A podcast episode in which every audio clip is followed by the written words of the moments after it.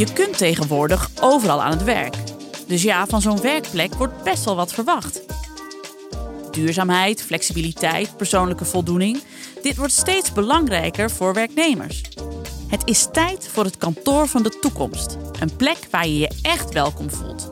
Maar hoe ziet dat kantoor eruit? Welkom bij het nieuwe kantoor. Een podcast van HNK. Met een vernieuwd kantoorconcept vormt HNK het kantoor van de toekomst. Mijn naam is Nienke de Jong en in deze podcast ga ik elke aflevering in gesprek met een expert. Ik praat in 12 afleveringen met hen over onder andere geur, circulair meubilair, muziek en klantervaring. Aan het einde van deze podcastreeks volledig te ervaren op drie nieuwe HNK-locaties. In deze aflevering spreek ik met André Wieringa. André is de oprichter van Start Reverse, een bedrijf dat zich bezighoudt met het creëren van de beste klantervaring. Het doel?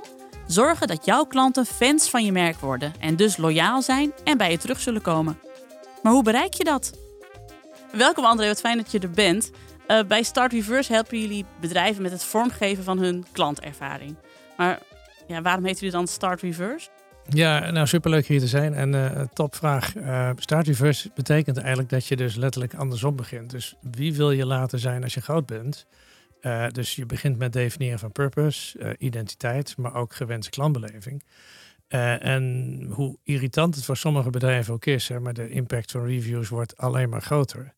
Dus andersom denken begint ook al bij wat voor reviews wil je dan hebben. Dus in plaats van het tegen te gaan, het effect van reviews, kun je het ook heel erg goed gaan gebruiken. Dus ook dat is een vorm van andersom denken. Mm, en als we nou het even duidelijk neerzetten voordat we verder de diepte induiken over klantervaring. Even de basisvraag.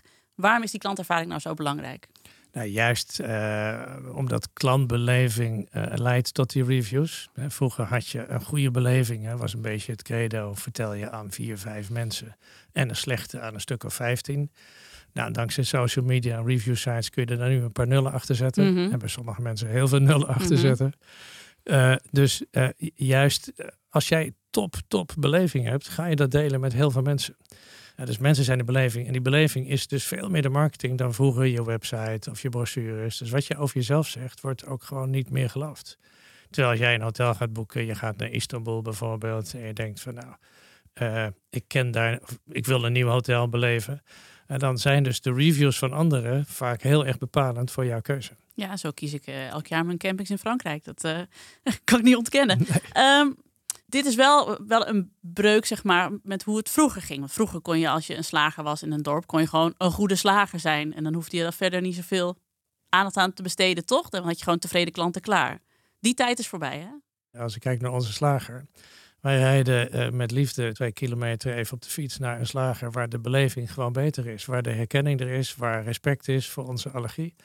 Uh, en terwijl er op 150 meter ook een hele goede slager zit. Maar ja, die doen we dan uit nood. Mm -hmm. uh, bijvoorbeeld gebrek aan tijd, maar voor een betere beleving rijden we graag om.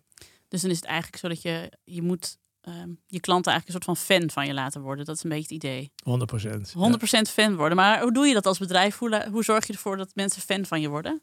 Ja, door uiteindelijk je goed te verdiepen in wat zij verwachten. Want de enige manier dat jij fan wordt, is als jij iets krijgt wat je niet had verwacht. Als jij krijgt wat je verwacht, dan is het niet bijzonder. Uh, kennis van klant voordat je de transactie ingaat of de beleving ingaat, is super belangrijk. En kun je een voorbeeld geven van een, van een bedrijf dat echt zo'n fanbase heeft opgebouwd? Ja, een mooi voorbeeld is denk ik in Nederland uh, Coolblue. Uh, die overigens inspiratie heeft gevonden in Amerika, zal ik, uh, zal ik zo toelichten. Maar Coolblue heeft als purpose, als, als bestaansrecht gedefinieerd, gewoon verwonderen. En ik denk dat dat uh, een, een, hele mooie is. We kennen het credo, hè, dus alles voor een glimlach. Maar het gewoon verwonderen is natuurlijk super tof. Want uiteindelijk, als je elk woord neemt hè, van die twee, verwonderen mm. is al iets wat je niet zou verwachten als je wasmachine bestelt. Nee, nee. Uh, en uh, zij doen dus de gewone dingen bijzonder goed of buitengewoon goed. Dus het is dus belangrijk om je klant te blijven verwonderen. Maar het lijkt me ook nog best wel lastig als bedrijf. Uh, je noemde nou een goed voorbeeld, maar om, um, om die purpose goed ja, vast te stellen. Hoe doe je dat als bedrijf? Je zegt van je moet bekijken van wat je, uh, wie je aan het einde wil zijn of wat voor reviews je wil krijgen. Maar hoe begint zoiets, zo'n zoektocht? Ja, uiteindelijk denk ik dat je een aantal aspecten moet nemen. Ten eerste, eh, nou ja, wat is ooit de oorsprong geweest van het bedrijf? De zogenaamde founders mentality is daarin belangrijk. Uh, leuk voorbeeld is Le Pain Quotidien. Mm ik weet niet of je die kent. Ja, die broodjeszaak veel in Vlaanderen ook, hè? En, in, ja. in Vlaanderen hebben we 250 restaurants wereldwijd, zeven in Amsterdam en Amstelveen. en, en goed, toen wij begonnen met Le Pen Quotidien in New York hadden we een, een, een volle dag. Ook heel bewust in het Citizen M Hotel in New York, wat ook onderscheidend is qua beleving. Om ook hun te laten zien van, joh, zo kan hotel ook. Uh, en bij Le Pen Quotidien ging toen echt de, de, de, discussie met leiders echt tussen twee uitersten. De ene helft zei, het moet gaan over organisch eten, want dat is wat we brengen. En, en daarop zeiden wij ook, ja precies, dat is wat jullie brengen. Maar organisch eten is uiteindelijk door heel veel aanbieders aan te bieden. En, mhm. en uiteindelijk het is te kopiëren. Uh, en, en uiteindelijk ging de discussie gelukkig naar de oprichter Alain Coumont, die begonnen is met zijn eerste vestiging in Brussel. Met als doel om uiteindelijk iets te doen aan de vereenzaming van steeds meer mensen, ook op een steeds jongere leeftijd. Vandaar dat je in elke vestiging ook een communal table hebt. En zijn eerste vestiging had een, uh, zoals hier in de studio, één grote tafel. En dat was het. Met het idee van, joh, wat als we nou eens mensen bij elkaar brengen bij goed eten. Uh, en dan zijn zij misschien in hun eentje aan het winkelen en zijn ze eenzaam op een dag. Maar laten we ze een, een, een gelukkig uur geven. Dus toen is de purpose ontstaan, creating meaningful connections. Uh, en dan ja, en by the way, we're also selling bread and other stuff. En dan heb je iets gevonden inderdaad wat geen enkel ander restaurant heeft. Want niemand heeft dit als, als beginsel. Precies. Ja, ja. wat slim. Wat slim. Um, je hebt hier ook boek over geschreven. Ja. Ja, en je hebt het ook over de hoe.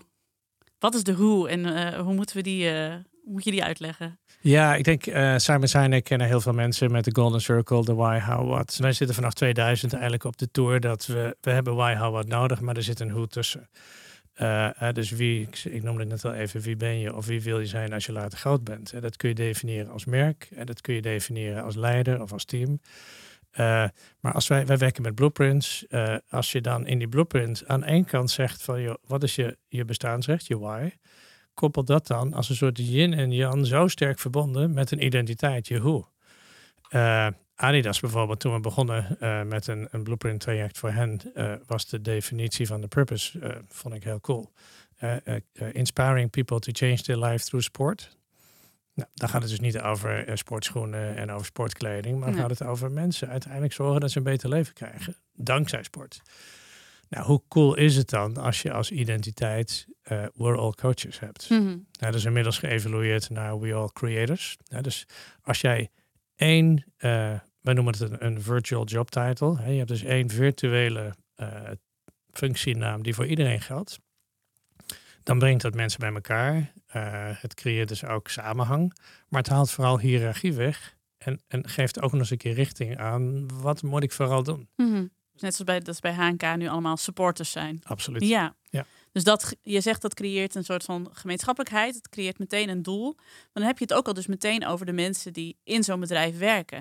Um, terwijl ik kan me voorstellen dat het hele idee van zo'n uh, identiteit, dat dat bovenaf, bovenaf bedacht wordt. Of is dat niet de bedoeling? Uh, gebeurt wel eens. Uh, is niet slim. Uh, ik denk dat het prima is. We hebben met heel veel bedrijven dat we met een executive committee starten, soms met een raad van bestuur. En dat is dan, zeggen wij, een uitkomst. KLM bijvoorbeeld, zijn we begonnen met de executive committee, toen 17 man. hebben daarna acht groepen van 25 leiders, ambassadors, gewoon mensen door de organisatie heen, 30.000 man. Hebben we er 200 mee laten denken. Dus na die ronde hadden we negen blueprints. En die zijn uiteindelijk samengebracht tot één. Dat heet nog steeds het KLM Kompas. Mm -hmm. Is ook nog steeds zoals het jaren geleden is gedefinieerd. En ja, daarmee krijg je veel meer draagkracht. Hè? Dus de, de, de deliverable is niet die, uh, die, die ene pagina. Dat is hartstikke leuk. En dan heb je een pagina, super belangrijk. Het is een kompas, maar het is een pagina. Uh, wat veel belangrijker is, is de draagkracht die je creëert door mensen erbij te betrekken.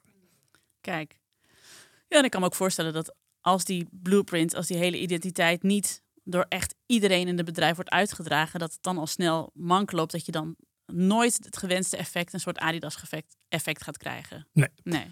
Nee, je moet hem dus uh, op die, die blueprint staat ook als basis. Uh, dus, dus ook dat is andersom. Je begint bij purpose identiteit, dan je how en je wat. En vanuit purpose identiteit definieer je ook hoe wil je beleefd worden. Mm. Uh, dus uiteindelijk, als je dat niet waarmaakt, als ik niet de cultuur ervaar waardoor ik me niet verbonden voel, ja, dan wordt het best wel moeilijk om voor mij te verwachten dat ik uiteindelijk anderen ga verbinden. André, dit hele uh, idee van de klantervaring, is dat nou in de kantoorwereld al heel erg uh, bonton of nog uh, helemaal niet? Nou, het zit er een beetje tussenin. Het is aan het schuiven, maar er wordt nog veel te veel traditioneel gedacht. traditioneel in de zin van vanuit meters die we in duizenden voor meerdere jaren gaan verkopen. en puur transactioneel. Um, en ik denk dat mm, nou ja, HNK heeft daar goed op ingesprongen. De echte concurrentie komt niet vanuit kantoormeteraanbieders, maar vanuit andere sectoren. Maar HNK pakt hem denk ik juist heel goed dat zij een soort hybride functie weten te maken tussen, ja, je kan zowel traditioneel huren als flex huren, als coworken. Uh, en uh, ja, daar zitten. En dat is dus uiteindelijk de kunst. Robin, Robert en Florien zijn allemaal medewerkers van HNK en vertellen je elke aflevering wat meer over hoe zij het aspect van de aflevering hebben gebruikt in hun nieuwe concept. Met deze keer dus klantervaring. Florien kan je hier meer over vertellen. Hi, ik ben Florien, verantwoordelijk voor marketing bij HNK. Ik ga je iets vertellen over klantervaring. Veel concepten beginnen met de dienst of het product en van daaruit worden processen eromheen ontwikkeld. Vervolgens worden er mensen aangenomen en pas helemaal aan het einde kijk je hoe de klant erop reageert. Maar bij ons is dat juist andersom. Door te starten met de klantervaring kun je de juiste medewerkers selecteren en werkprocessen op maat inrichten. Daarvoor hebben we een eigen HNK Blueprint ontwikkeld. Voordat ik daarover begin, wil ik je nog vertellen over onze supporters. Zo noemen we iedereen die bij HNK werkt, van onze host op locatie tot onze collega's van finance en marketing. Het zijn de mensen die onze huurders helpen en ondersteunen waar ze maar kunnen. En aan de andere kant als supporter langs de zijlijn staan om huurders aan te moedigen. Wij zijn hun grootste fan. Onze ultieme klantervaring hebben we samengevat in vier korte zinnen. Allemaal beginnen met I feel. I feel welcome. I feel connected. I feel truly supported. En I feel energized. En de I staat natuurlijk voor onze klant. Laten we starten met I feel welcome. We willen dat onze huurders en gasten zich welkom, fijn en op hun gemak voelen bij HNK. En om dat te bereiken proberen onze supporters het altijd persoonlijk te maken. I Feel Connected geeft aan dat we willen dat huurders zich verbonden voelen met hun omgeving en met elkaar. Om daarvoor te zorgen zullen onze supporters zich proactief opstellen om die connectie te maken.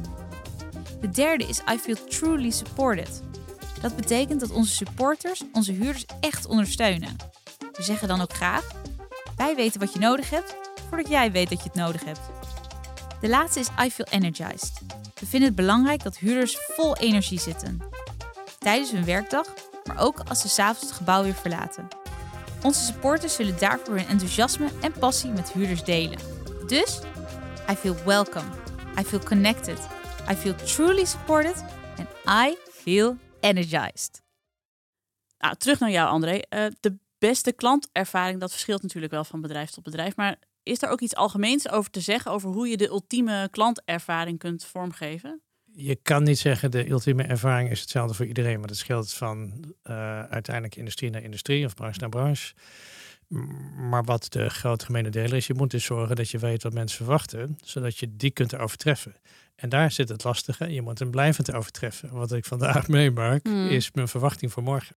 Kun je een bedrijf noemen dat dat heel goed doet? Dat die beleving steeds een stapje hoger zet, zodat de klant verrast blijft? Ja, het is misschien uh, hoger niet eens per se, maar het moet uiteindelijk wel blijven verrassen. Uh, en dat doet Lush Cosmetics bijvoorbeeld heel goed. Ik weet niet of je het kent. Ja, ja van de bruisballen. Ja. Uh, ben je fan?